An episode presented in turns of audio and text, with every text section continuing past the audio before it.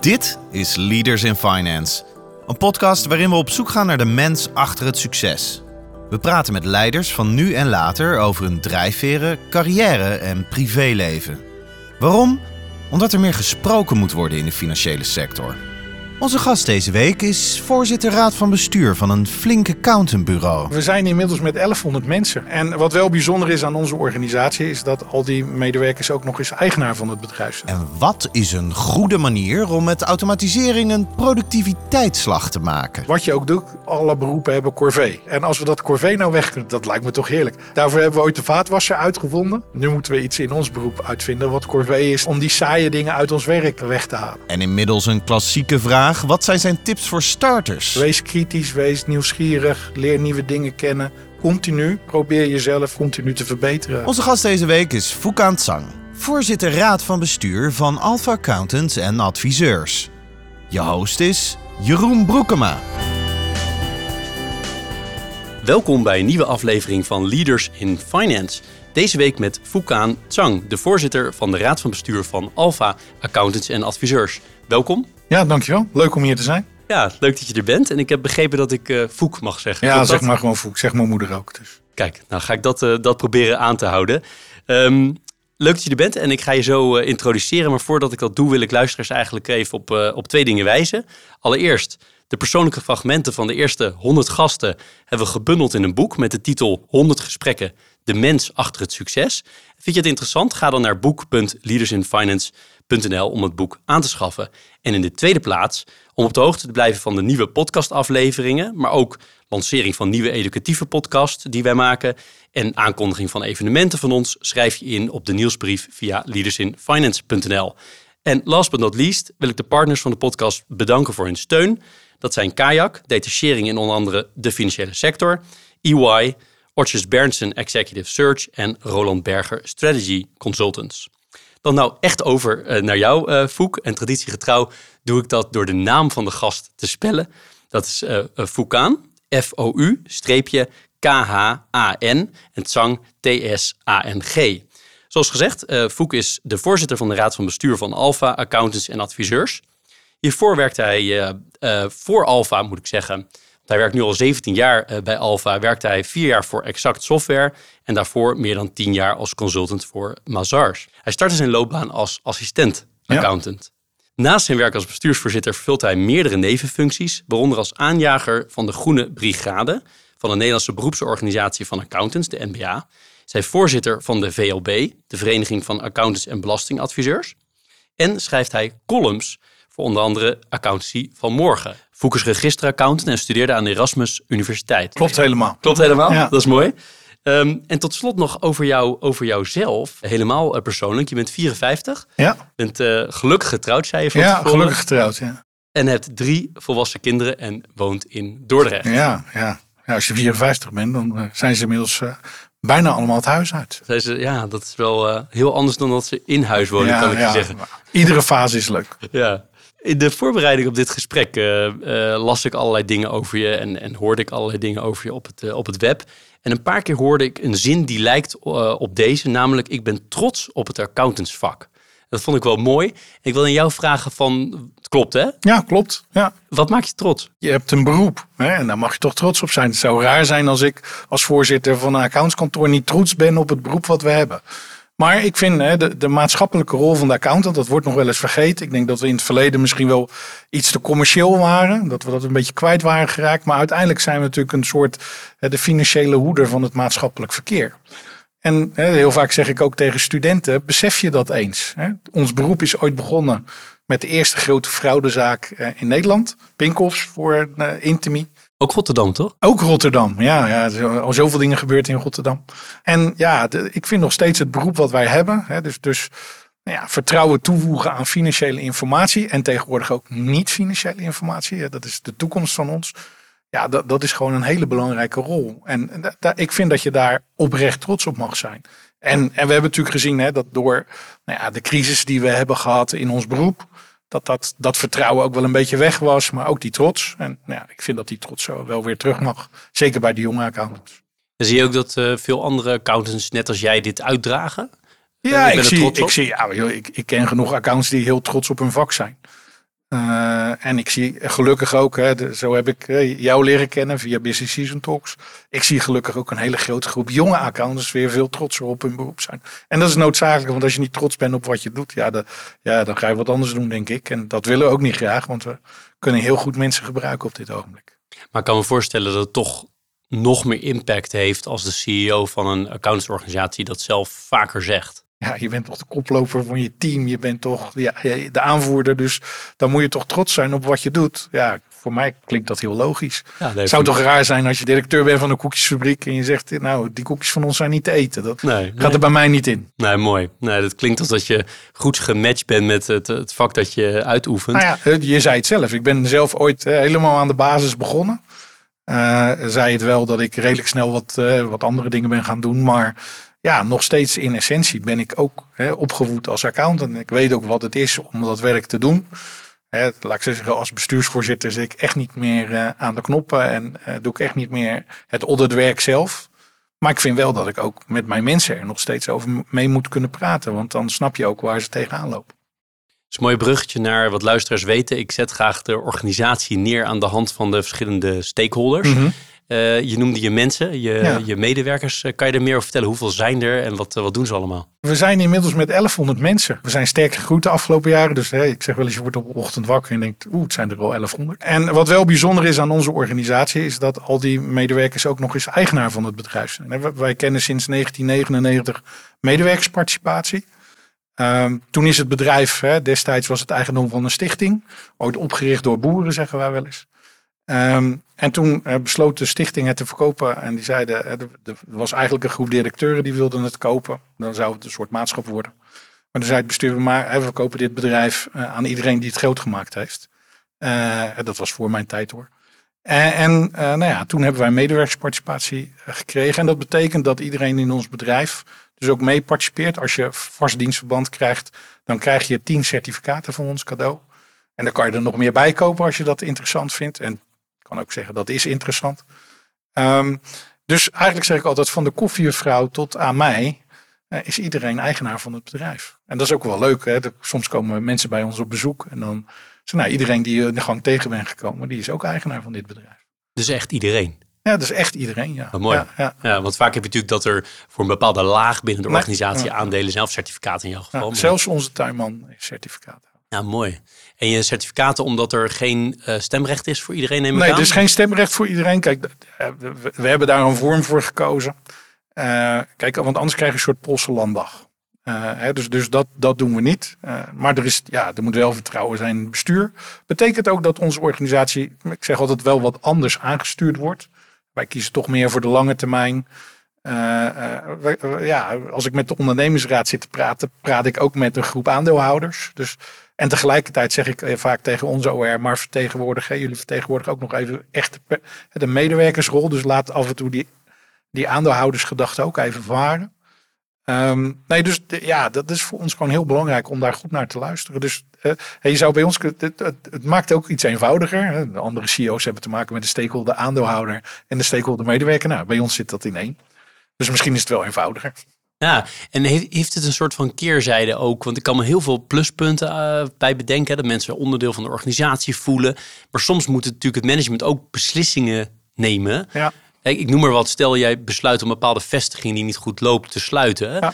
Dat zijn ook mensen die eigenaar van bedrijf zijn. Ja, en, en dat doen we dan gewoon. Ja, we zijn ook gewoon een bedrijf dat winst moet maken. En het is in het belang van alle ja, van alle stakeholders dat het bedrijf blijven staan. Dus soms nemen we, hè, dat, dat nemen, we ook, nemen we ook beslissingen die niet leuk zijn. Ja, maar die nemen we dan, zeg ik altijd wel op een goede manier. Hè. En dan is er heel veel aandacht hoe we dat oplossen. En dat, dat hoort er dan ook bij. Hè. Ja, en veel tijd aan uitleg besteden waarschijnlijk. En heel veel tijd, ja, weet je wel, we draaien op draagvlak. Tegelijkertijd hebben wij ook wel gezegd, uh, we zijn wel een bedrijf, wij moeten wel snel kunnen beslissen. En wat ik wel eens grappig vind, is dat uh, nou, in onze wereld van accountancy hebben we natuurlijk veel met maatschappen te maken. En soms zijn mensen wel eens verrast hoe snel wij kunnen beslissen. Uiteindelijk ben, de raad van bestuur gewoon het uh, besluitvormend gremium. Dus ik heb wel eens meegemaakt dat ik sprak iemand en uh, toen zei ik, nou, maandag bespreek ik het met mijn collega's en dinsdag heb je een antwoord. En die zat mij verrast aan te kijken. Hij zei, ja, ik, ik heb een ander accountskantoor. Dan moet het eerst door, ik zei, ja, door de Vennoten-vergadering. Dat duurt wel eventjes, zeg ik dan. Maar bij ons gaat het zo snel. Dus ja, dat, dat is ook wel weer een voordeel. Kijk, en hele grote veranderingen. Nou, dan gaan we op zoek naar het draagvlak in de organisatie. Maar ik denk dat dat ook een goede manier van besturen is. In je naam zitten accountants en adviseurs. Ja. Hoe zit die verhouding in de organisatie, grofweg? Ja, 65, 35 procent ongeveer. Dus 65 procent is, uh, nou ja, uh, bij ons ook grotendeels samenstel. Wij werken voor het MKB, familiebedrijven, gezinsbedrijven ook nog heel vaak. en en dus 35 procent advies, dat is fiscaal advies. Bedrijfskundig advies, zowel in het MKB als in de agrosector. Wij komen uit de agrosector. daar zijn we ooit door opgericht. en dus we, we hebben ongeveer nou, wat zijn nu, uh, ik weet precies, 39% van onze omzet is agrarisch nog. Dus wij, zitten nu ook midden in alle discussies rondom stikstof. En, nou, of ik, denk ik, daar kan, kan, kan, kan ik nog een podcast over vullen. En daarnaast werken we voor het MKB. Ja, en dan komen we op de klanten. Nog één ding over de, de medewerkers. Ja. Want zit het net zoals bij de, wat je vaak hoort bij de, bij de Big Four accountants, dat je een hele duidelijke scheiding hebt tussen advies en, uh, en de controle of de samenstelpraktijk? Nee, wij, of is dat minder belangrijk wij hier? hebben wel aparte assurance zitten. Dat, dat is wel een aparte tak bij ons, omdat daar de regelgeving nog iets strenger is. De, onze grootste praktijk is samenstel. Hè, voor nou, MKB en agrarische bedrijven. En daar heb je wat meer vrijheden tussen nou ja, waar advies uh, stopt en ophoudt. Tegelijkertijd moet je wel objectief blijven. Hè, dus je moet ook wel, ook daar moet je opletten wat je nog wel, wat je wel kan doen en wat je niet kan doen. Dus de, de, uh, er zit altijd een vorm van scheiding in, maar ja, die, die moet je als accountant aanvoelen, zeg ik wel. Ja, die is minder strikt dan. Ja, uh, minder strikt. ja. dus wat dat betreft, als je de, de, de boeken doet voor een samenstelopdracht, uh, mag je daar ook een fiscalist Mag je bij daar ook halen een fiscalist de... bij halen, mag je ook nog een ander advies uitbrengen. Ja, Uiteindelijk is het wel, het is wel een advies waar de klant zelf zijn besluit neemt. duidelijk. Duidelijk. Nou, dan heb je al heel veel over die klanten gezegd. Ja. Is, er, uh, is, het, is er zeg maar een beweging gaande van minder agrarisch? Want dat is wel waar jullie vandaan komen. Of blijft dat een beetje constant? Ja, je ziet natuurlijk, hè, de, de, de agrarische markt is erg in beweging. Er is ook een grote groep hè, agrarische ondernemers, zoals ik zo vaak noem, die geen opvolger heeft. Dus daar, daar zit ook een problematiek. Dus we zien wel dat we minder agrarische klanten hebben, maar de omzet blijft ongeveer gelijk.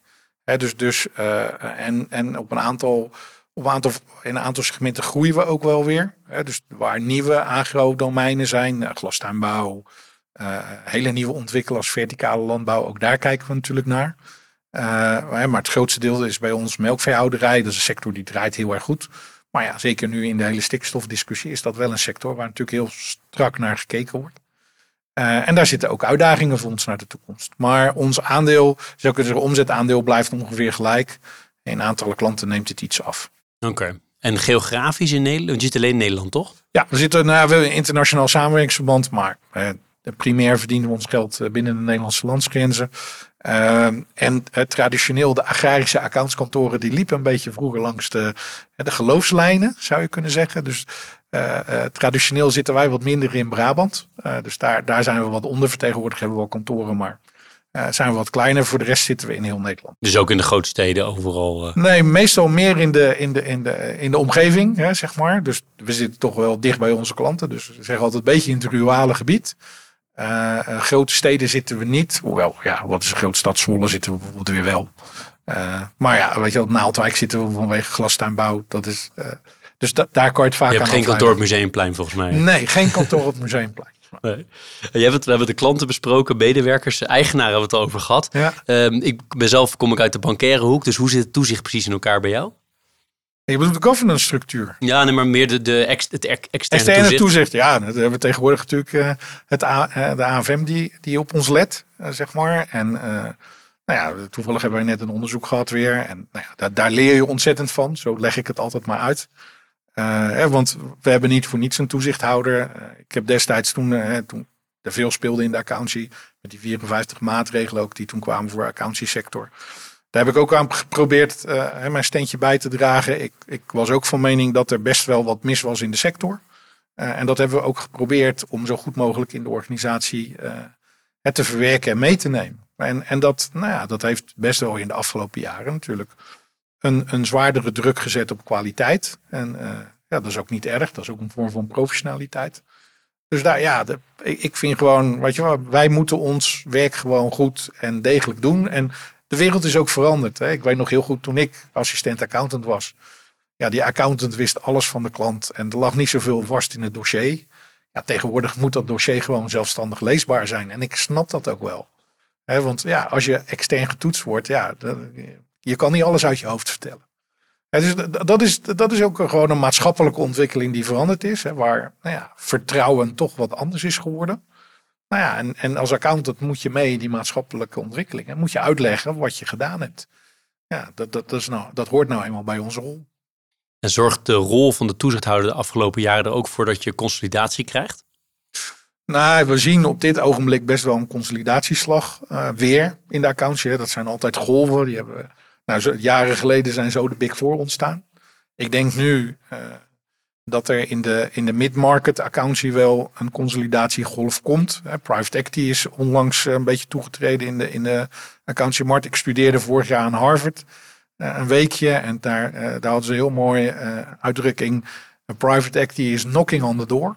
En ik was nog niet terug. En ik had een kleine column geschreven voor mijn collega's, waarbij ik dat zei. En toen werd bekend dat nou ja, Waterland de accountie in ging. Dus dat iedereen vond mij de grote voorspeller.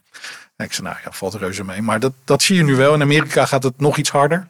Ik denk dat dat een beetje voorland is wat, uh, wat er hier gaat gebeuren. Dus nee, ik, ik verwacht wel dat uh, nou ja, de accountie top 25 gaat er in de komende 10 jaar wel anders uitzien. Nou, met meer dan duizend aandeelhouders zal bij jullie, nou ja, certificaathouders zal het niet zo snel lopen. Denk dat de private equity inkomt. Nee, nee, nee. Past denk ik niet bij jullie of wel? Nee, past niet bij ons. Past echt niet bij ons. Ik, ik denk dat wij misschien wel een alternatief kunnen zijn voor private equity. Jullie zijn top 10 kantoor in Nederland? Ja, nummer 9. Dus dat noem jij midmarket, hè? Dat zeg maar. Ja, uh, kijk even, je hebt de Big Four, die moet je eraf halen. Dan heb je nog wel wat eh, internationaal georiënteerde kantoren. Eigenlijk praat ik over ja, toch wel kantoren die het Nederlandse domein, dat noem ik dan midmarket. Dus dat begint bij Flint, zeg ik altijd. Dan komen wij.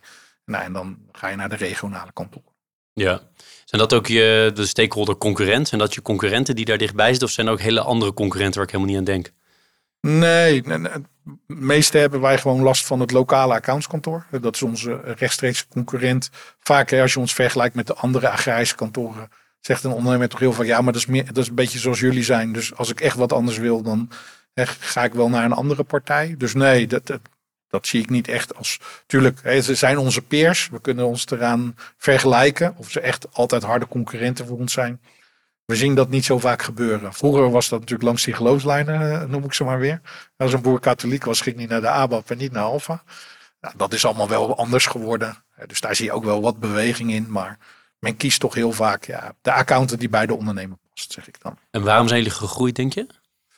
Afgelopen jaar, wat is de Afgelopen jaar, nou, de, A, hebben we daar uh, hebben we dat ook wel opgezocht. We hebben onze organisatie wat anders ingericht. Echt wel een sales. Uh, uh, lange tijd was het in de accountie zo, zei ik, ja, er zit een soort draaideur en daar komen klanten naar En dat ging eigenlijk altijd goed. De wereld is wat dat betreft ook wel weer wat veranderd. En hebben wij dus ook gewoon een salesorganisatie opgezet. En zijn er dus ook mee aan de slag gegaan.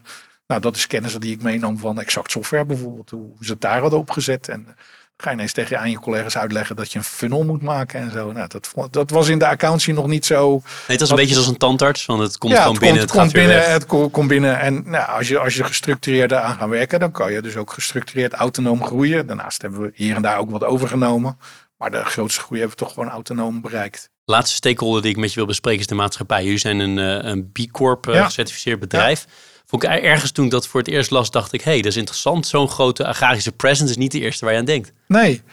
Ja, en tegelijkertijd, ik vind het altijd wel grappig. Ik krijg die vraag, vragen, uh, vraag vaker. En ja, ik zeg altijd, boeren staan iedere ochtend op met de natuur en gaan naar bed met de natuur. Ze zitten heel dicht tegenaan. En ik spreek heel veel boeren, in, in mijn rol ook. En ja, ik zeg altijd, ja, sommige van die boeren zijn hè, veel meer met de natuur betrokken dan misschien iemand die bij Extensions Rebellions aangesloten is. Dus uh, ik denk dat er in, in die boer best wel een natuurlijke drijf naar duurzaamheid is. Ik denk alleen dat het businessmodel wat daar omheen zit, dat het dat heel spannend maakt. ik zie veel boeren die daar wel naartoe willen. zij het soms op een andere weg dan, hè, dan andere mensen dat willen.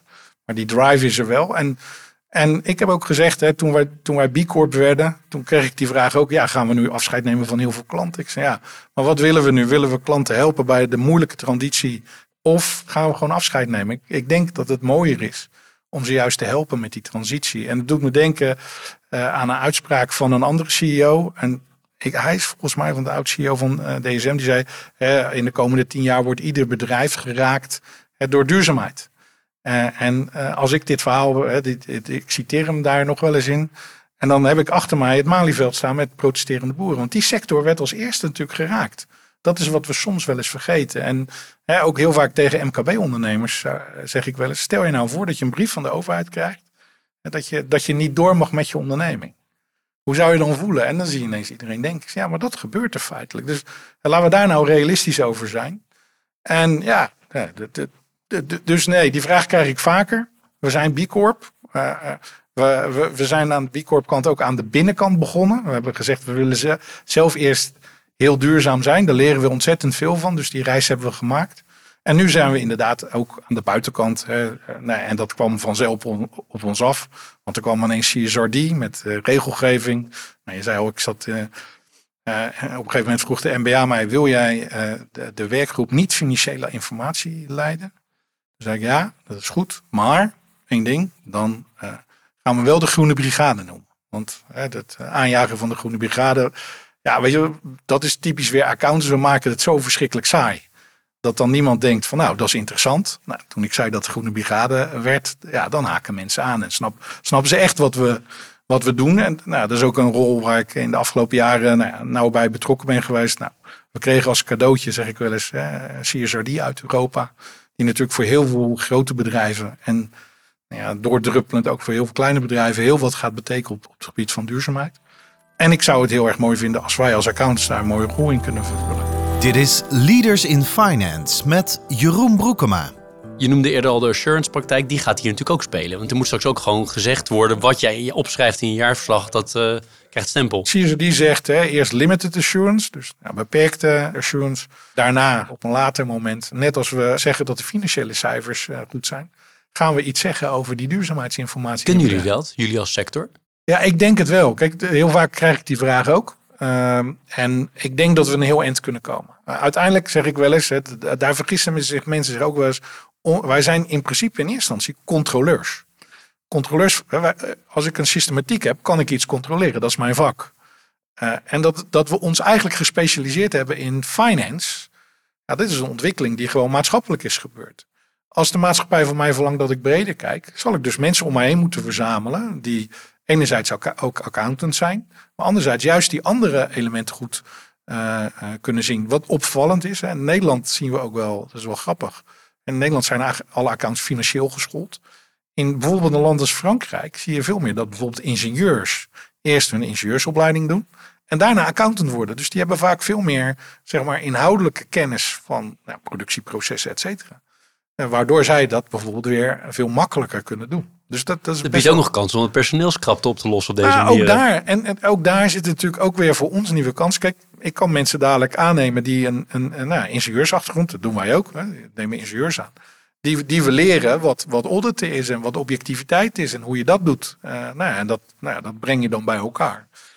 Uh, en dat, nou ja, daarmee heb je gewoon weer een discipline erbij. En waar komt die drive vandaan vanuit jou of vanuit de organisatie breder om B Corp te worden? Want zijn er eigenlijk veel accounts? Twee vragen. Zijn er veel accounts die B Corp zijn? Er is nog één ander Nederlands accountskantoor, net. Zeg maar, lang waren we de enige, maar nu is een andere ook uh, B Corp geworden. Dat vind ik ook helemaal niet erg. Hoe meer B Corps te worden. Dat is ook de gedachte achter B Corp. Dat op een gegeven moment zijn er zoveel B Corps. Nou, dan kunnen we het afschaffen, want dan is iedereen duurzaam.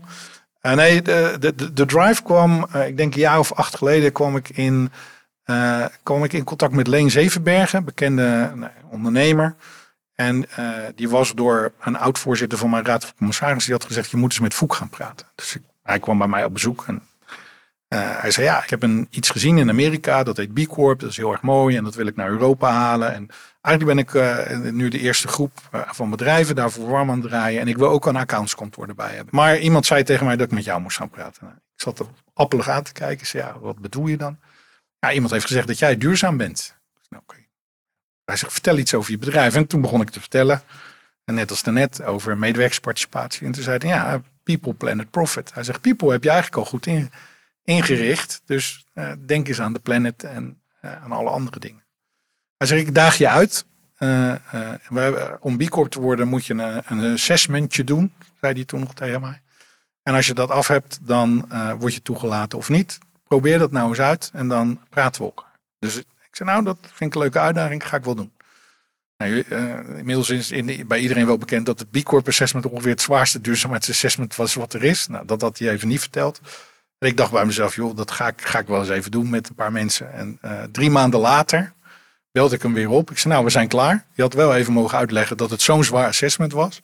En by the way, we, we zaten net iets boven de 100 punten. Toen zei hij, nou, daar heb je iets verkeerd gedaan. Want uh, accountskantoren, zakelijke dienstverlening, die zitten ergens tussen 80 en 85 punten. Vaak tegen de ondergrens. En je moet B Corp minimaal 80 punten halen. Dus nou ja, hij zei maar, dat is goed. Hè, want wij screenen dat altijd. Nou, in jouw geval, er gaan zeker 10 punten af. Nou, uiteindelijk, toen de screening was geweest, kwamen we uit op 99 punten de eerste keer. En bleken we toch veel duurzamer te zijn. Die medewerkersparticipatie helpt daar heel erg aan mee. Dat, dat werkt heel goed. Uh, en tegelijkertijd uh, gaf het ons heel veel inzicht en heel veel vragen ook binnen de organisatie. We, we hadden Russisch gas en we hadden uh, donker, zwarte stroom en allemaal van dat soort dingen. En zeiden, waarom doen we dat eigenlijk? Vinden we dat nou bij ons passen? Die vraag kregen we. Past dat nou bij een bedrijf hè, wat duurzaam is voor zijn personeel? Moeten we dan... en nou, zo langzaam kwam dat verhaal op gang. En dat, nou, uiteindelijk hebben we toen gezegd, we maken er een reis van. en dat, dat begon, we willen misschien wel het duurzaamste accountskantoor van Nederland worden. Uh, vervolgens werd het, misschien zijn we wel het duurzaamste accountskantoor. En ik durf vandaag hardop te zeggen dat we het duurzaamste accountskantoor van Nederland zijn. Aan de binnenkant. Hè. En ik denk de volgende stap is om hè, wat we doen, als je echt impact wil maken, dat ook mee te nemen naar die klanten. En dan kom ik terug op die transitie. Hè. We zien in de markt, denk ik, heel veel bedrijven hiermee worstelen. Dat is een transitie. Er zijn mensen die vinden dat we dat in één dag moeten bereiken. Er zijn mensen die vinden dat we in 2030 moeten bereiken. Ik zeg het is een transitie waar we met z'n allen in moeten gaan. Waarbij ieder stapje werkt gewoon. En ja, het is onze taak, vind ik, eh, om onze klanten mee te nemen bij die vraagstukken die spelen rondom die transitie. Liep je ver voor de troepen uit intern? Had je bijvoorbeeld mensen die binnen de organisatie, ik noem maar wat, een van je commissaris of toezichthouders, uh, of uh, een van je mededirecteuren die zei van ja, uh, vond ik allemaal leuk en aardig wat je nu in je hoofd hebt gehaald. Maar dit gaat wel echt onder onze klanten lastig uitleggen worden van onze medewerkers. Heb je veel tegenstand gekregen intern? Tuurlijk krijg je tegenstand. Weet je wel? En, en, maar tegelijkertijd had iedereen ook zoiets van ja, ja, hij heeft misschien wel gelijk. Want die medewerkersparticipatie, weet je, wel, je kan het ook negatief uitleggen. Het is een mooie fiscale regeling voor je personeel om leuk dividend uit te keren. Waarde dus je kan een negatief verhaal er ook aan ophangen. En nou, dus, dus commissaris had ik eigenlijk redelijk snel mee. Uh, personeel hebben we uiteindelijk. Uh, en ik heb ook gezegd, ik wil niet dat het het feestje is van Foek. Niet het feestje van de voorzitter. En als die weg is, dan is het ook weer verdwenen. Dat, nou, dat zien we helaas ook nog wel eens. Um, dus toen, wat we toen gedaan hebben, is in ieder kantoor mochten ze zelf mensen die daar enthousiast van waren, een duurzaamheidsteam vormen. Toen hebben we de eerste keer gezegd, alles wat ze voorstellen is goed. En, eh, en, en nou, die zijn aan de, aan de gang gegaan en dat begon heel klein met uh, minder papier gebruiken. Nou, moeten we geen zonnepanelen? Allemaal, al die vraagstukken, nou, die hebben we allemaal stuk voor stuk bekeken, gedaan. Mensen met elkaar weer in verbinding gebracht. Dus dat werd vanzelf een soort beweging door de organisatie. En zo langzamerhand, en ik heb nog steeds collega's die zeggen, we zijn misschien wel het duurzaamste aan, want die vinden het dan toch nog spannend. Uh, maar ja, ja, iedereen is uiteindelijk meegegaan in die transitie. En, en ik zeg ook wel eens, hè, zo zitten we er ook in. Ik heb ook medewerkers die dat best spannend vinden. Uh, en dat mag ook. Hè. Wij zijn ook een afspiegeling van de maatschappij. En, en ik, ik heb het liefst in mijn bedrijf ook een paar mensen die misschien heel erg kritisch daarover zijn. En, en ons daar continu op bevragen. Maar wat ik wel grappig vond, in, uh, in coronatijd deden wij, we dachten, ja, moeten wat voor het personeel. En iedereen was aan het zoeken. En toen hadden we verzonnen op drie locaties een puzzelrit. Nou, uh, nou, ik had gezegd, personeelsvereniging hadden dat verzonnen, ging het organiseren. Ik kreeg natuurlijk gelijk terug, dat kan niet, we zijn duurzaam. Nou, toen uiteindelijk al die uitgerekend hoeveel benzine we dan opgereden hadden en dat dan maar gecompenseerd. en dat, dat, lossen we dan zo wel weer op. En, en zo word je wel kritisch gehouden. Dus inmiddels leeft dat wel binnen de organisatie. Het is mooi, mooi, hoe je het verwoordt allemaal. Eh, nog twee dingen waar ik benieuwd naar ben. Eén is, je doet het voorkomen alsof je toevallig dit op je pad is gekomen. Maar was dit al langer jouw drive of is het echt toevallig op je pad gekomen? Nou, er waren gewoon dingen die. Ja, ik zeg altijd: het leven, het leven komt soms op logische dingen bij elkaar. Weet je wel? Dus, dus dit telde op. We waren wel op zoek. Hey, iedere organisatie was natuurlijk op zoek naar zijn purpose. Nou, dat, dat, we vonden dat we heel erg mooi waren. We noemden ons Rijnlands. Maar wat is dat dan? En hoe ga je dat nou concreet vormgeven? En dat hebben we, nou ja, dat hebben we eigenlijk gevonden in die B Corp. Uh, en we zijn nog steeds een trots en enthousiast B Corp. We doen daar uh, best wel aan veel dingen mee. Uh, en het was voor ons gewoon, ja, weet je, ik, ik ben nog heel goed. Hè, ik, ik, had best een strenge CFO, kon je accountsorganisatie natuurlijk best wel voorstellen. En die, en die zei op een gegeven moment zelfs ook van ja, ja, maar als het nou even duur is, dan kunnen we het net zo goed duurzaam doen. Ja, en, uh, en ik weet nog heel goed, hij, hij, was ook wel een van de criticasters. Dat een keer kon ik een keer niet. En uh, er hadden een groep gasten op bezoek. En ik sprak uh, een van onze duurzaamheidsmensen. En die zei, nou, wat voor bevlogen verhaal hij daar verteld had. En hij wist gewoon alles. En hij kon alles uitleggen. Op zijn manier, met zijn woorden. nou, prima toch. En waar komt het punt dat je zegt van ja, je hebt het over de klant. Daar ga je ja, uiteindelijk de grootste impact maken. Want eh, Shell zegt zelf ook altijd, je haalt Shell ook wel eens aan in jouw verhalen.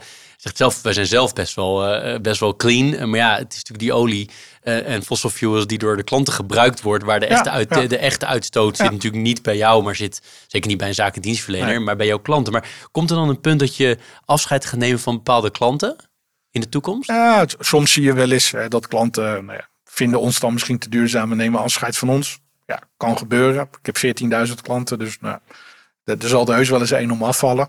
Uh, wat ik juist leuk vind, is dat, dat we steeds meer in gesprek komen met die klanten. En nou ja, je merkt het nu, hè, vorig jaar met die stijgende energieprijzen, werden die gesprekken ineens veel makkelijker natuurlijk. Hè. Toen wilde iedereen ineens besparen. Hè. En dan, ja, dan moesten we toch, toch die weg maken naar duurzame energie, et cetera. Dus ja, wat dat betreft uh, uh, zit de tijd ons ook wel mee. Dat, maar zelf afscheid nemen van klanten is nog wel weer next level, toch? Nee, Voordat maar wij hebben wel... Kijk, wij, wij, nemen natuurlijk ook klanten aan. En daar hebben we wel een aantal policies in. Hè. Dus, dus uh, ja, hebben wij best wel eens discussie van...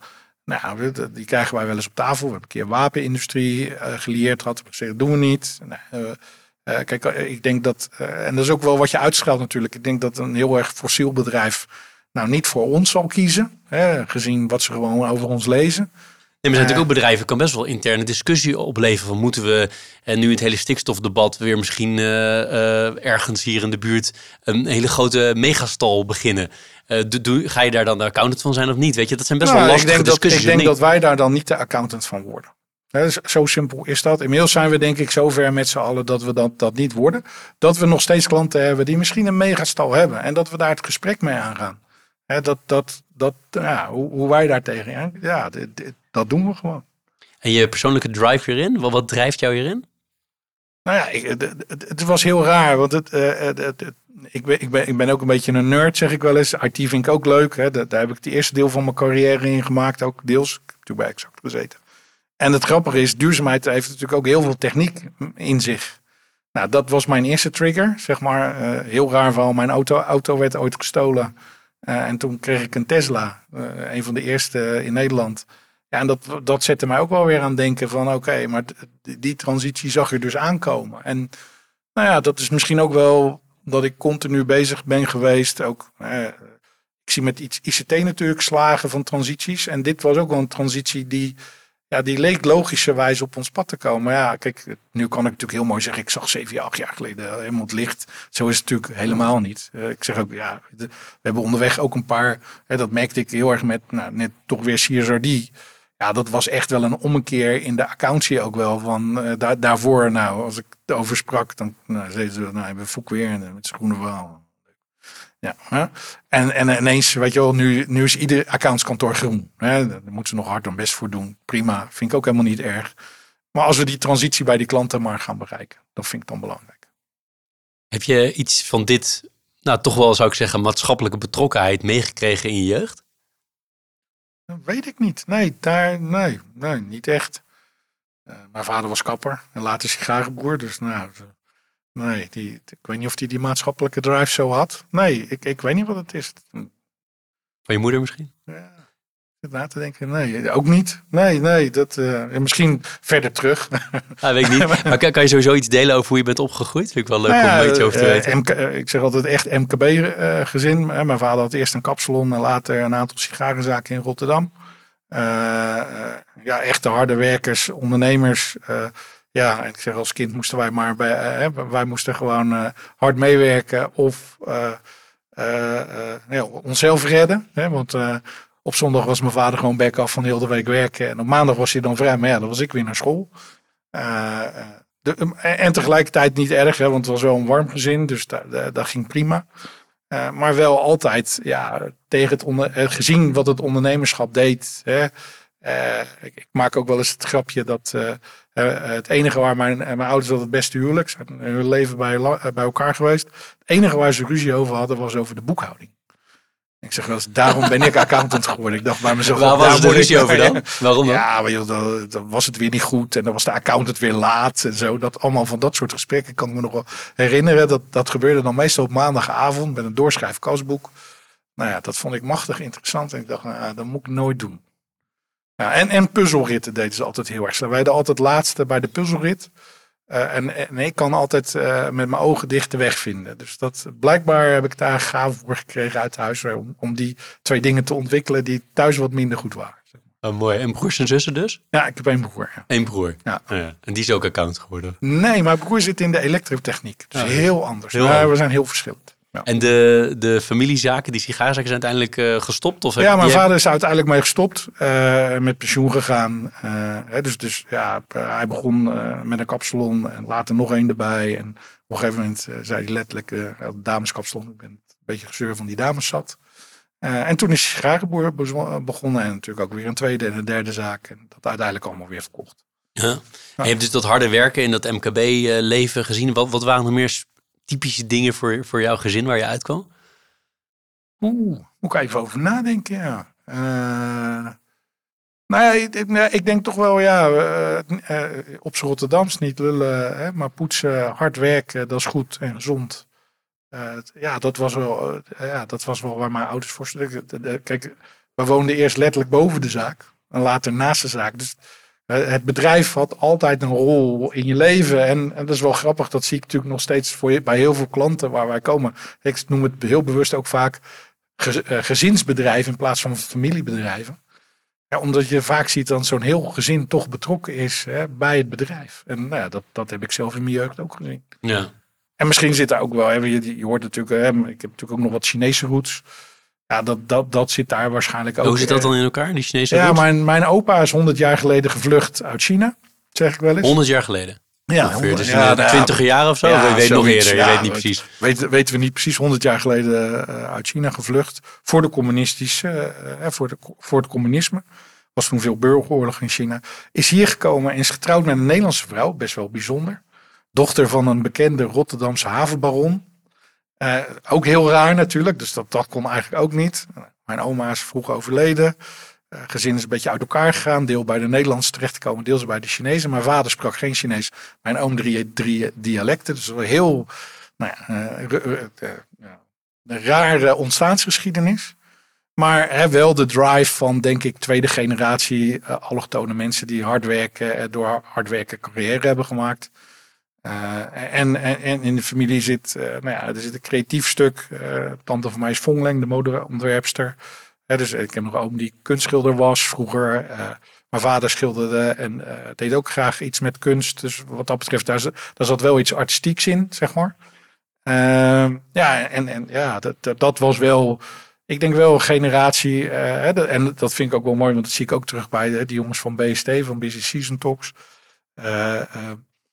ja, de, ook zo, de, generatie, de eh, tweede generatie hardwerkende uh, ja, mensen. ik, ik, vond het mooi, we hadden met die met Arif en Hakan, hè, jongens met een Turkse achtergrond, hadden we een keer een discussie. En dat ging dan over de generatie Z, die dan nu eerst heel de wereld rond wil trekken. En dan zie je toch dat die tweede generatie, uh, allochtoon mag, vind, niet zo'n mooi woord, maar die tweede generatie mensen, die, ja, die, die snappen dat dan soms niet. Die, zijn nog echt, die willen nog echt eh, vechten voor een baan en carrière maken. Zijn heel erg ambitieus. En, en ja, weet je, uit die wereld kwam ik ook. Heb je zelf nog iets met die achtergrond, met die, die Chinese kant? Voel, Ja, voel je daar een beetje ja, thuis? Of ben je er geweest? Ja, ik ben er geweest. Het gekke was, ik, eh, nou, jij, jij ziet mij hier, de, de, de, hè, de luisteraars niet, maar ik ben de witste van de familie, zeg ik wel eens. maar mijn broer is echt Chinees. Eh, alleen het, het gekke is, dat zeiden ze later tegen mij, ik, ik ben nog terug geweest naar China twee keer. Eh, het heeft me ook wel getrokken. Ik ben op zoek geweest naar mijn roots, zeg maar, waar dat, waar dat vandaan kwam. Eh, en dat vond ik belangrijk. En ik merkte de rest van mijn neefjes en nichtjes, nou ja, die, die, eh, een paar zijn er geweest, maar eh, echt niet heel veel. Hè, dus, dus ja, ik ben er altijd wel. Nou, ik, als ik in China ben, dan voel ik me ook wel een beetje thuis. Op een of andere rare manier, weet je wel. Dat, dat denk je toch van. Maar de dynamiek en de snelheid. En, en nou, ik zeg ook wel eens, dat, dat kom ik ook nog eens tegen bij Westerlingen. Hè, zo noem ik mezelf dan toch maar. Die snappen niet zoveel van die Aziatische cultuur. En ook wel hoe het daar is. En daar praat ik dan ook met familie over. Hè, en dat was ook wel. Ja, weet je, op een gegeven moment hebben we daar de familie teruggevonden. En daar ga je dan weer naar terug. En nou, daar gaat het inmiddels heel erg goed mee. Hè. Dat, je waren natuurlijk ooit arm. eh, daarom, eh, eh, en, en nu zijn ze best wel rijk. Hè. Dat, dat raakt zo langzamerhand ons niveau ook wel. Hè. Dus, dus dat was de laatste keer de vraag gesteld. Waarom komen jullie niet terug? Ja, Oké, een rare vraag eigenlijk. Ja, hè, dus, maar ja, in, in, vanuit hun perspectief is dat natuurlijk niet raar. Hè, Triggerde het jou nog enigszins? Dat je denkt van ooit zou ik daar nog wel eens iets willen doen? Nee, nee, niet. niet. Eh, Je spreekt de taal dus ook niet, hè? Nee, ik spreek de taal niet. Dat dus helpt maakt het, natuurlijk dat, niet, dat hè? maakt het heel erg ingewikkeld. Eh, eh, dus als ik daar ben, heb ik gewoon een tolk bij me die, eh, die vertaalt eh, wat de familie zegt. Ehm, nee, dus nee, dat trekt mij niet. Ik vind het wel mooi om nou, die verhalen te horen. Waar kom je dan vandaan? Wat is dan hè, de, de, de ontstaansgeschiedenis van de familie? Eh, onze familie mocht op een gegeven moment een familiehuis weer bouwen. Hè, dus wij zijn wel in het gebied waar we vandaan kwamen een belangrijke clan. Dus dan kom je op een gegeven moment daar en dan komt heel de familie bij elkaar om hè, dat nieuwe huis wat ze mochten bouwen eh, te openen. Een soort, zeg maar, een soort gemeentehuis of ceremonieel huis. Eh, en wat dan wel grappig is, is dat het oude huis, dat wordt gewoon gesloopt. Dat is antiek. Daar geven ze niet om. Ik heb er nog een dakpan van afgehaald. Eh, wij, en dan zeggen ze, waarom neem je die oude troep mee? Weet je wel? En, en wij denken, het is antiek, joh, het is heel belangrijk. Ja, nee, dat nieuwe is veel mooier. Want het is allemaal nieuw en glimt allemaal mooi. En, dus, nou, en dan heb je dus een familiereunie met 10.000 mensen. Dat is wel grappig. Oh, dat is wel een serieuze groep eh, Ja, geworden. ja, ja, ja. Je luistert naar Leaders in Finance met Jeroen Broekema. Als je naar de berichtgeving over China kijkt in Nederland, eh, je weet het dus wel echt beduidend meer Ja, van dan ja. de gemiddelde Nederlander. Voel je dat dat, dat goed is? Dat het op een juiste manier gedaan is? We vinden China moeilijk te duiden. Ik denk dat dat best wel meevalt. China heeft een bepaalde historie. En ik zeg, Chinezen zijn olifanten en die vergeten niks. Als je teruggaat hè, tot eh, opiumoorlogen. Hè, als je ziet wat het Westen daar gedaan heeft. Ja, dat zijn die Chinezen niet vergeten. Dus daar, daar zit een deels de, de reactie nu. Kijk, China is ook gewoon nog steeds een keizerrijk. En de keizer heet nu Xi. Zo leg ik dat even uit. Hè. Er is gewoon nog een nieuwe dynastie gekomen. Maar die heet het communisme. Ehm, Alleen we snappen vrij weinig van het Chinees in het dagelijks leven. Dat, dat, ja, dat, da- daar zit natuurlijk ook een enorme drijf. Ook om geld te verdienen. Dat is zelfs extreem. Gelukkig nieuwjaar. In het wens je veel geld en veel geluk. Dus ook geld als eerste.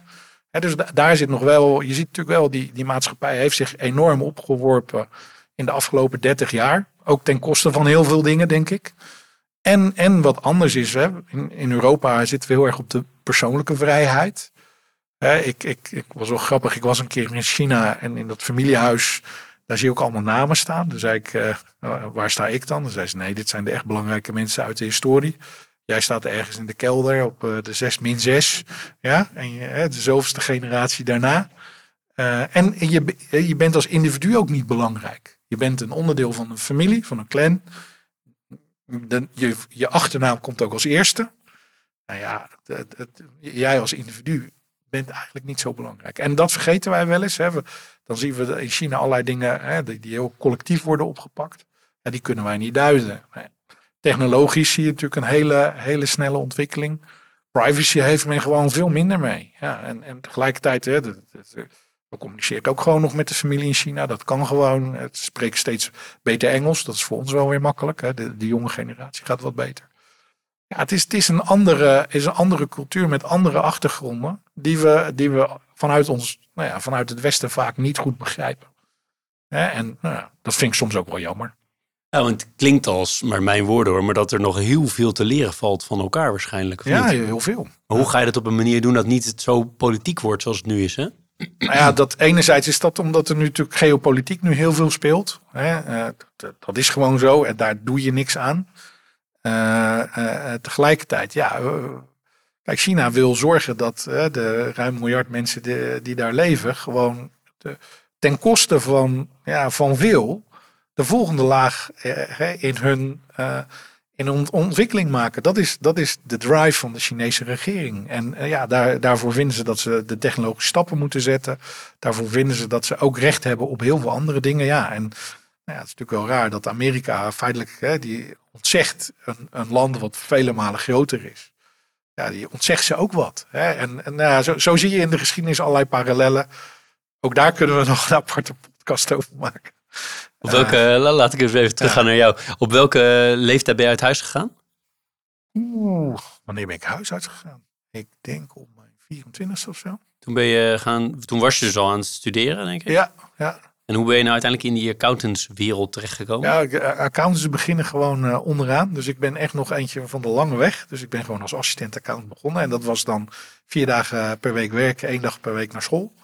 Eh, en zo heb ik dat gedaan. Eh, zo, zo, eh, ik had wel HEO, ik had HEO gedaan. Daarna had je een soort tussen, tussenopleiding. eh, Nivra Nijer, eh, of Ni- Nivra Universitair heette dat nu toen nog. En toen ben ik naar de Erasmus Universiteit gegaan. Maar dat traject van ongeveer zes jaar wat je dan doorloopt. Dus Ja, want je bent uiteindelijk registeraccountant geworden. ja. En heb je nou met die achtergrond van je ouders niet gedacht, ik ga toch voor me, helemaal voor mezelf beginnen? Ja, je legt het net al een beetje uit waarom je accountant werd, maar dacht je van ik ga een bedrijf beginnen?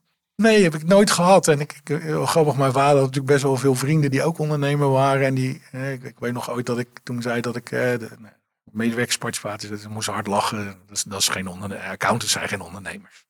En misschien ben ik ook geen ondernemer. Hè? En misschien ben ik wel ondernemend, maar ik ben geen ondernemer. Kijk, mijn vader nam risico's. Ik, weet ooit dat hij een sigarenzaak kocht. En nou ja, wij, wij, aten een half jaar een boterham met tevredenheid, zou, zou maar kunnen zeggen. Het was even allemaal spannend. Ja, ik, ik weet niet of ik die gok zou maken met mijn gezin. Nee. Nee, inderdaad. Maar je voelt je volgens mij toch een beetje ondernemer, dus als ik je zo beluister. Ja, tuurlijk. Nou, ik, ik zeg altijd, ik ben ondernemend. Hè. Ik, ik ben bestuurder. Ik moet beslissingen nemen. Ik, ik moet dit bedrijf ja, een stap verder helpen. Dus ja, daar moet je wel ondernemend voor zijn. Hè. Maar ik vind een echte ondernemer, eh, ja, dat vind ik nog net iets anders.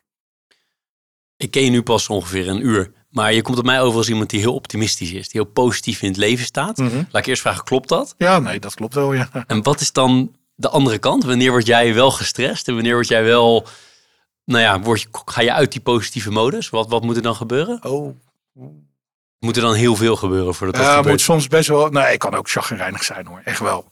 Ik kan ook wel echt een off-dag hebben. Eh, nou ja, misschien als.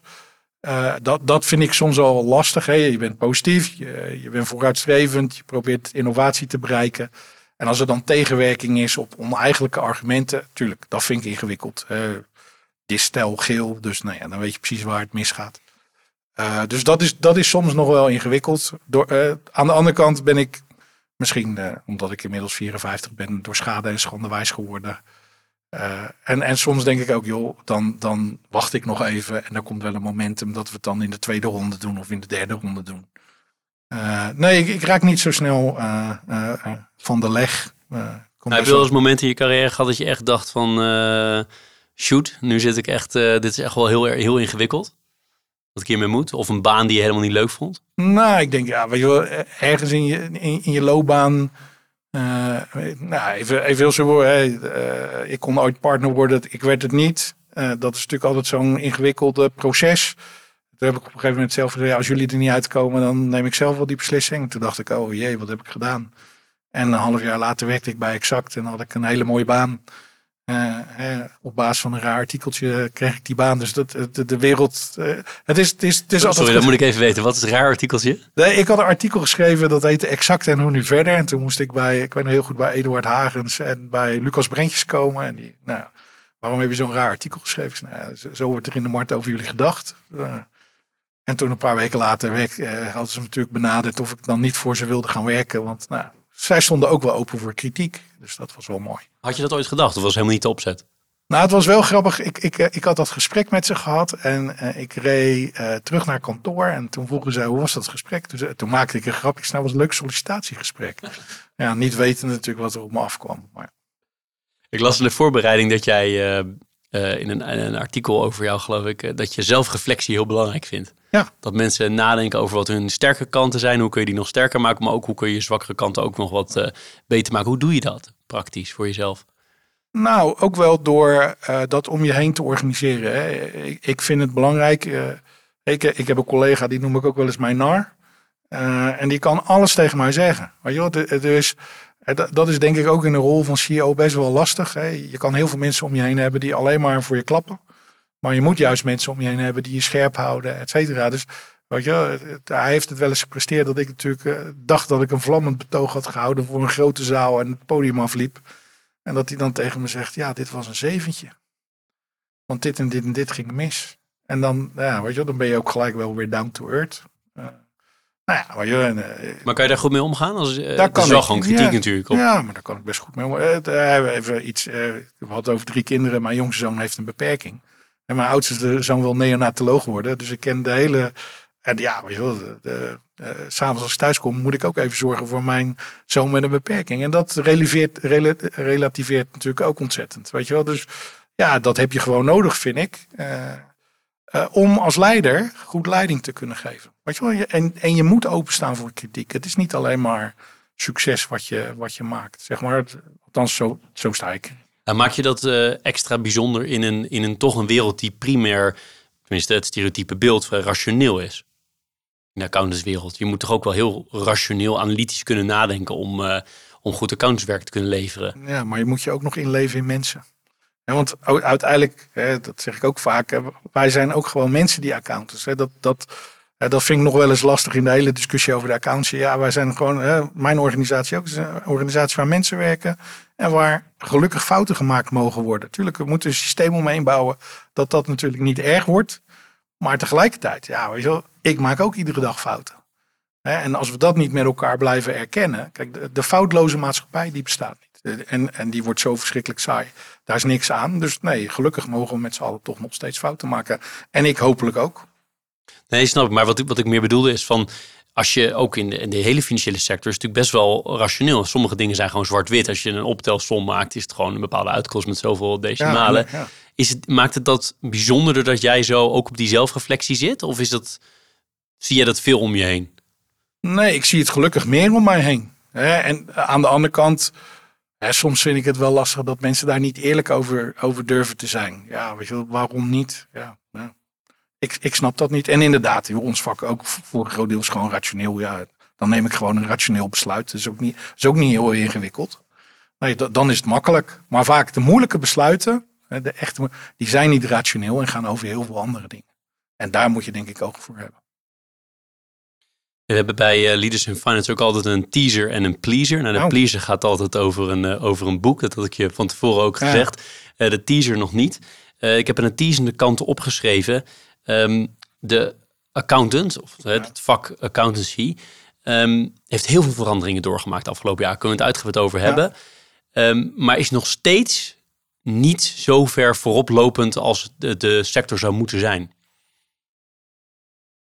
Ja, en daar ben ik het niet helemaal mee eens. En dat komt gewoon, de, de, de, dan moet je gewoon een keer binnen. Ik, ik, ik, ik hoor het vaker en dan zeg ik, kom maar eens binnen. En kijk eens wat de accountsector heeft gedaan. En vergelijk dat dan eens even met banken. Of met wat commissarissen hadden moeten doen. Of wat, heel veel, of wat de politiek had moeten doen. En dan ben ik wel eens, uh, dan word ik wel eens chagrijnig. En zeg nou, als jullie die veranderingen die deze sector gedaan heeft op een andere sector, die waren er al lang mee gekapt. En waar ben je dan meest trots op? Welke veranderingen? Nou, ik vind, ik vind als sector hebben we denk ik best wel veel gedaan aan cultuur. Echt wat gedaan aan cultuur. Uh, hebben we ook hele. Wat bedoel je met cultuur dan? Nou, echt wel de cultuur in het bedrijf echt wel omgezet naar een kwaliteitsgerichte cultuur. Dat was een beetje weg en dat is echt wel terug. En ik kan, ik praat voor mijn eigen bedrijf. Uh, de commercialiteit is er voor een deel ook wel af. Uh, en tegelijkertijd, we zijn een onderneming, dus ja, uh, sorry, we moeten ook een beetje commercieel zijn. en we moeten ook gewoon geld verdienen op een nette manier. nee, dus ik, ik, ik, ik vind wel dat we, dat we grote stappen hebben gezet als sector. eh, en dat is, eh, vergis je niet, dat is hier en daar ook ten koste gegaan van mensen die niet meer in de sector werken. Eh, en daar, daar had men wel wat meer oog voor kunnen hebben, vind ik. Voor hun... Nou ja, weet je, dat zijn mensen die gedesillusioneerd uit onze sector vertrokken zijn. En nu hebben we een enorm tekort aan mensen. En dat waren soms hele goede mensen. Ja, kijk, dat is ook geen geheim. Eh, bij de Big Four, als AFM langs was geweest, dan was zo'n team gewoon klaar. Weet je wel? En al, hadden ze een positieve eh, uitslag, dan nog was een jaar later was het team vertrokken. Nou ja, weet je wel, dan is je beroep dus niet meer leuk. Weet je wel? En, en gelukkig zien we in het toezicht hè, dat dat allemaal wat menselijker wordt, dat men daar meer rekening mee houdt. Eh, eh, en ik denk dat de sector, nou ik vind, maar dat is mijn persoonlijke mening, dat de sector best een grote stap heeft gemaakt. Eh, nou ja, en anders kom je maar een keer kijken hoe we het gedaan hebben. Mooi. Dat was ook een teaser. Ja, Nog één één, vraag gerelateerd hieraan voordat we naar de pleaser gaan. Aha. Kan, eh, kunnen AI-oplossingen jullie heel erg gaan helpen als het gaat om het personeelstekort? Nou, nou komt de technofreak weer naar voren. Wekenlang met ChatGPT. Ja, ik denk, ik Ja, denk, ben je al groot gebruiker? ik ben een groot gebruiker, ja. En eh Midjourney, nou, noem het maar op. Dus ik, ik, ik, ik vind dat leuk. Dus ik, ik kijk daarnaar. Ja, ik denk dat dat kan helpen. Het, het is wel zo, eh, ons vak heeft heel veel met cijfers te maken. En de hele ontwikkeling van ChatGPT zit veel meer rondom taal. Dus daar zit, nou ja, Vooralsnog. Vooralsnog zeg ik dan ook, ja, helemaal eens. Eh, Maar ja, ik denk dat AI hè, ons vak eh, gaat helpen. Ook hè, in, eh, en dat moet ook wel, want we komen mensen tekort. Hè, dus we, onze arbeidsproductiviteit moet omhoog. En als ik dan ontwikkelingen zoals bij Microsoft met Copilot, et cetera, zie, dan denk ik, ja, hè, nou, daar zaten we nou net op te wachten. Hier, hier zouden we, denk ik, met elkaar weer een substantiële efficiëntieslag kunnen maken, of productiviteitsstijgingsstap. Ja, dat lijkt me. Dat Dus lijkt jij me bent wel iemand die erin gelooft dat juist de werkzaamheden die misschien niet zo interessant zijn om als mensen te doen, dat je die kan laten doen door de techniek. En zelf wat meer de, nou ja, de, de hogere Ja, nee, kijk, waarde kan eh, ik zeg altijd, ieder, kijk, wat je ook doet, al, alle beroepen hebben corvée. Ja, we allemaal corvée. En als we dat corvée nou weg kunnen, dat lijkt me toch heerlijk. Daar hebben we, daarvoor hebben we ooit de vaatwasser uitgevonden. Dat was ook corvée. Nou ja, nu moeten we iets in ons beroep uitvinden. Wat corvée is natuurlijk, om die saaie dingen uit ons werk eh, weg te halen. Mooie one-liner. De corvée ga ik zeker, eh, ga ik zeker onthouden. Ja. Aan de pleasende kant eh, lees je graag. Ja, ik, nou ja, ik lees heel veel. Ik ben altijd blij met, eh, ik, ik weet niet of je Amazon Kindle kent. Daar kan je natuurlijk altijd één hoofdstuk. Want vaak weet ik nou één hoofdstuk wel of een boek wel of niet goed is. Dus die staat bij mij ook helemaal vol. Nee, ik, ben er, ik, ik lees graag. Is het dan zakelijke dingen eh, of juist literatuur? Ja, mijn vrouw zegt altijd dat ik veel te veel zakelijk lees. Dus, eh, maar ik probeer af en toe ook wel wat andere dingen te lezen hoor. Dus, eh. Heb je een bepaald boek wat je erg aanspreekt? Eh, nou ja, de, de, de- jij vroeg dat net aan mij, dus ik moest even nadenken. De tweede berg, die gaat, hè, die gaat wel heel erg over. Je maakt eerst een maatschappelijke carrière. En daarna, of nee, je maakt eerst een carrière hè, voor je werk, et cetera. En op een gegeven moment bereik je een fase dat je, nou ja, breder naar de wereld gaat kijken, sustainable wordt en dat soort dingen. Misschien was dat bij mij ook wel zo. En ik vind hem, eh, we hadden het even over China, dat, dat is eigenlijk ook wel een oude traditie uit het oude China. Dat mensen als ze ouder werden, gingen zich toeleggen op kalligrafie, gingen ze dichten en dat soort dingen. Dus misschien past dat, die Oosterse, dat Oosterse wel goed bij deze tijd. Hè. Dus ook daar kunnen we misschien nog eens wat van leren. Dat op een gegeven moment hè, ga je van je maatschappelijke carrière en geld en dat soort dingen veel meer toeleggen op nou ja, dingen mooier maken voor de wereld. Wat zou dat voor jou nog meer kunnen zijn op de lange termijn, middellange termijn? Voor Nou, dingen? Tweede bergen, derde bergen? Ja, nou ja, misschien dan toch eh, eh, de volgende generatie mensen hè, die er aankomt. Jonge bestuurders, jonge mensen die eh, door willen gaan leren ja, hoe, ze, hoe ze dat kunnen vormgeven. Ja, weet je wel, op mijn manier, hoe, hoe ik denk dat het goed is. En, en eh, mogelijk kunnen ze daar wat van meenemen. Dus zeg maar kennisoverdracht, eh, Kennisoverdracht, ervaring. maar ook vaardigheden. eh, Nou ja, dat je niet bang bent als je uitgenodigd wordt voor een podcast of in een studio moet zitten of dat soort dingen. Ik merk dat, dat mensen dat nog heel vaak heel spannend vinden. Nou, jij bent wel bijzonder ontspannen in een podcast. Dat kan ik je vast meegeven, het gegeven. Ehm, als het eh, gaat om eh, tips voor die categorie, namelijk de starter op de, eh, nou, is niet helemaal die categorie, maar nog daarvoor. Starter op de arbeidsmarkt in de financiële sector. Wat voor, wat voor tips zou jij hem of haar meegeven? Ik heb deze nu verzameld van 130 eh, CEO's. Oeh. Wat zou, jij, wat zou jij meegeven? Ja, ik zeg altijd, wees nieuwsgierig. Hè, ik ben, dat is misschien ook wel een kenmerk wat ik altijd ben. Ik ben altijd nieuwsgierig geweest naar nieuwe dingen. Dingen die anders konden. Die... En daardoor heb ik alles kunnen doen in mijn carrière wat ik, wat ik deed. dus ik, ik, ik jaag mensen altijd aan. Weet je wat, durf nou door te vragen. Ik heb ook een goede leermeester gehad die mij dat ook leerde. Die zei van ja, leuk boek. Hè? Alle accounts geloven in Starreveld. Maar stel dat nou maar eens ter discussie. En hoe kijk je er dan tegenaan? Dus dat zou ik mensen. Hè, wees kritisch, wees nieuwsgierig. Leer nieuwe dingen kennen. Continu. Probeer jezelf eigenlijk continu te verbeteren wat dat betreft.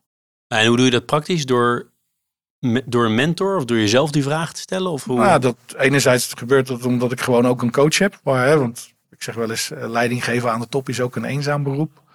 Ehm, daarnaast uh, door af en toe jezelf uh, buiten je comfortzone te zetten. Nou, wat ik zei, vorig jaar Harvard gedaan. Hè, de, en, en, en dat dan ook goed te doen. Wat je dan niet naartoe te gaan denken, nou snel, snel, snel. Maar gewoon nadenken met welke opdracht ga ik hier naartoe en waar kom ik nou mee terug. en, en af en toe iets heel raars doen wat, wat je nog nooit gedaan hebt, in een andere sector kijken? Of, uh... Het vraagt om voorbeelden. ja, nou ja, even. even uh, de, ik ging, uh, hoewel het in de accountie nog helemaal niet speelde, ging naar fintech bijeenkomsten om te kijken wat daar gebeurde. Ik, ik ga graag naar start-ups om te onderzoeken wat speelt daar nou, waar zijn ze nou mee bezig? Nou, we hadden net over artificial intelligence, hartstikke interessant. Hè, dus, dus daar probeer ik telkens te kijken. En door mijn oogharen te kijken, van wat ja, wat kan ik ermee? Kan ik er, ja, kan, kan, ik er in, in een werk iets mee? Uh, levert dit iets op? Uh, nou op die manier. Leuk.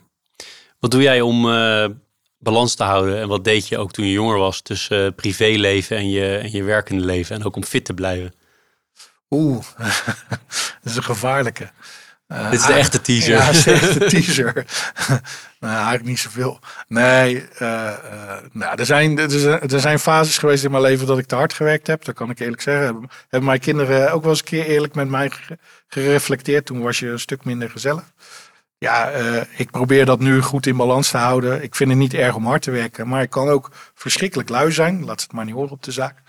Uh, nee, want dat is natuurlijk ook wel in, in, in mijn werk. Uh, ik, word, ik word niet uh, in deze positie gevraagd om hard te werken.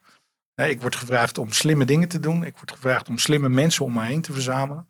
En daar ben ik dus vooral mee bezig. En dan heb je soms periodes dat je ook gewoon druk bent. maar je hebt ook periodes waarin je gewoon rust kan nemen. En ook bij mijn werk zeg ik wel eens, en dat vinden sommige mensen, wandelen langs een strand kan soms ook helpen. Ik was vorige week uh, best wel druk en toen dacht ik, nou, ik kan een dag leeg staan. Ik denk, nou. En ik, ik kwam ineens op iets waarvan ik dacht, hé, hey, nou, dat is wel een creatief idee. Dus om te ontspannen wandel je, ja, wat doe je nog meer? Wandelen, uh, nou, één keer per week sportschool met een, uh, een privétrainer. dat is altijd afzien eventjes voor mij. Dat doe je niet per se voor de lol zo te horen? Dat doe ik niet per se voor de lol. Dat doe ik op maandag aan het einde van de dag. Maandag is dat mijn vergaderdag. Uh, en kijk, als ik dan naar huis zou rijden, dan uh, weet ik wel dat ik uh, dat nooit zou doen. Dus ik heb een sportschool dan vlak bij de zaak. dan moet ik ook. en anders, anders krijg ik straf van de secretaresse, zeg maar. Dus die stuurt mij dan ook weg. En nee, dus dat, dat probeer ik. en nou, door af en toe ook gewoon, nou even, in, in, even, even net even rust te nemen. Een stukje meditatie te doen. Uh, even zorgen dat je, dat je ook wel weer de rust hervindt. Die je, die, uh, daar, word, daar word ik ook voor betaald. Door rustig te blijven en goed over dingen na te denken. Dus dat ik, ik, ik zeggen, ik heb laatst een column geschreven die gaat. Uh, die in, dat was zo mooi. Dat hoorde ik laatst ergens. Dat er was een, een immigrant in Amerika.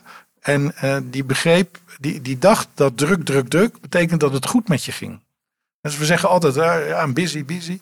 En ik dacht eigenlijk dat busy betekent dat het goed met je ging. En ik denk dat we dat dus moeten afleren. Dat je druk bent is niet altijd goed voor je. Nooit goed? Of? Nee, ik vind op gezette tijden mag je best druk zijn. Uh, als je maar uh, dat altijd in balans hebt. zoals zoals wijze, wijze Aziaten zeggen, de yin en yang moeten altijd uh, uiteindelijk wel weer in evenwicht komen. Mooi. Laatste twee vragen voor dit gesprek. De eerste is, Kijk, als ik aan CEO's vraag, wat doe je, wat ben je van plan op de langere termijn? Dan zeggen ze, nou ja, gewoon deze baan. Dat zeg jij waarschijnlijk ook. Um, Maar als je iets verder kijkt, wat, wat zijn nog dingen die jij heel graag zou willen doen eh, als, eh, als het allemaal goed met je gaat? Daarvan uitgaan. Oeh. Ja, ik, ik zeg ook gewoon hetzelfde. Ja, weet je wel, ik, ik heb het hartstikke naar mijn zin. En, eh, en, en, voorlopig hoef ik, wil ik ook helemaal niet weg. Iedere dag voelt als een feestje. Eh, ik, ben- ik, ik zou wel, eh, eh, wat dat betreft, eh, misschien toch nog eens een paar hele mooie reizen willen maken. Om wel ook echt even echt iets in. in of, laat ik zo zeggen, dat heeft voor mijn grote leermeester ook ooit gedaan. Die is zich in heel iets anders gaan verdiepen uiteindelijk. Dus die, grote leermeester doe je mee een mentor of zo? die ja, een mentor gehad, die of, ik ooit heb gehad, eh, professor Hartman, die, die stopte en hij was een soort IT-goeroe en is zich later gaan toeleggen. eh, nou ben ik even de naam kwijt, maar nou op, een, op een Duitse filosoof. Verloor daar natuurlijk ook al zijn aandacht op. Maar ja, dat lijkt me dan ook wel eens heerlijk om dat, om dat te doen. Misschien wel Oosterse wijsheden of zo. Of dat ik- toch die creatieve kant in jouw familie dus. Komt dan ook een beetje naar boven of niet? Volgens mij, Gaat hem niet ik- worden. volgens mij heeft dat DNA eh, mij overgeslagen. Nou ja, weet ik niet. Aan de andere kant, je ook kunnen zeggen, je bent misschien wel heel creatief in je gedachten ook. Met nee, dat, dat, dat hoe je zo'n strategie uitzet voor jouw, accountskantoor. Nee, dat, dat wel, maar ja, dat doe ik nu al heel mijn leven. Dus dan moet, ik- Ja, moet ik toch wat anders zoeken. is wat anders dan schilderen inderdaad, of muziek. eh, ja. Laatste vraag aan jou is, eh, we zijn eh, best wel een tijdje in gesprek geweest, wat ik ongelooflijk leuk heb gevonden. Maar is er nog iets waarvan je zegt, Jeroen, ja, je hebt ontzettend veel gevraagd, maar er is toch iets wat ik heel graag nog zou willen delen in deze podcast. We, we hebben al lang met elkaar gepraat. Nou ja, misschien wel de polarisatie in deze maatschappij. Ik denk dat we daar met z'n allen wat aan moeten doen. Hoe doen we dat? Nou, weet ik niet, maar we moeten er wel een keer wat aan doen. Want het is niet goed. Bedoel je polarisatie zoals we nu zien tussen, nou ja, ik noem maar even platteland, eh, stad, eh, Platteland, ongelijkheid. stad, eh, ongelijkheid. Dus wat gaan we daaraan doen? maar heb je een, een, een richting? Ik heb geen oplossing. puur de vraag. Maar het is puur dat is mooi vraag. om daarom op een vraag te eindigen. Ja, misschien moet je met die vraag. Misschien zit daar wel in de toekomst een, iets wat ik moet gaan doen. Dat is interessant. Ik heb het ongelooflijk gewaardeerd, zoals ik net al zei, eh, dat je zo open bent geweest, zowel over wat je, wat je zakelijk doet als wat je privé doet. Heel veel dank daarvoor. Ik heb hier, een, ik wijs er nu naar, kunnen luisteraars niet zien, maar een klein cadeautje voor je. Oh, leuk. in de afloop Leuk. voor je, voor alle tijd die je erin hebt willen steken om met, eh, met mij, met Leaders in Finance, in gesprek te gaan. Eh, heel veel dank, Foek, voor al je Ja, tijd. graag gedaan. Dit was Leaders in Finance. We hopen dat je deze aflevering met veel plezier hebt beluisterd. We stellen je feedback erg op prijs.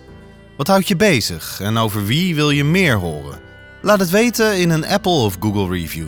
Dat kan ook via de sociale mediakanalen of direct via een e-mail. We kunnen het enorm waarderen als je dat doet. Tot slot danken we onze partners voor hun steun. Dat zijn Kayak, EY, Otjes Berndsen Executive Search en Roland Berger. Bedankt voor het luisteren.